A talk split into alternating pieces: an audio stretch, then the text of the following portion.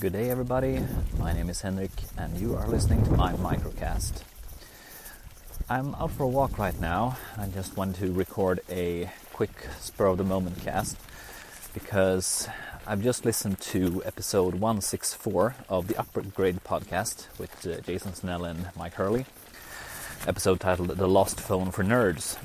And in it, they, among other things, talk a bit about the wireless charging that are now available for the iPhone 8 and the iPhone X, iPhone 10, iPhone Cruz, whatever.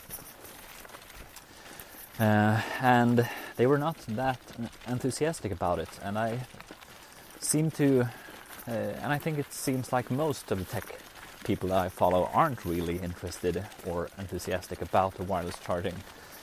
And that surprised me because that is the one feature that would actually maybe get me to upgrade my phone, even though I love my iPhone SE.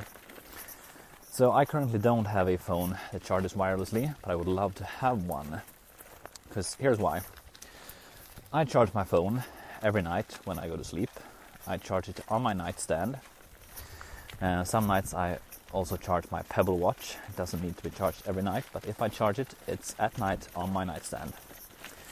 Anyway, when I go to bed, my three month old son is already sleeping in the room. So currently, going to bed means going inside a dark room, pitch black room, trying to find my way to my side of the bed, try to not, not knock something over, find the charging cable for the iPhone without making too much noise, plugging that into the iPhone without making too much noise, making sure I place it in the right spot, and so on. So there's a lot of uh, a lot of times when I can make noise in that that would possibly disturb his sleep. Now he's a fairly heavy sleeper, but I don't want to. But I don't want to make a make noise, any excess noise in the room. So what would be amazing would be to still do the whole sneaking into the pitch black room routine. I can't get around that. But I just place my iPhone in the same plug, in the same spot on the nightstand because I still do that. It's in the same place, more or less. And if that place would also charge the phone, it would be fantastic. Now, it would be even greater, or even better, um, once Apple's charging mat is released, then you have a wider area that it can be placed on. But I would love one of those IKEA helicopter pad squares to place it on.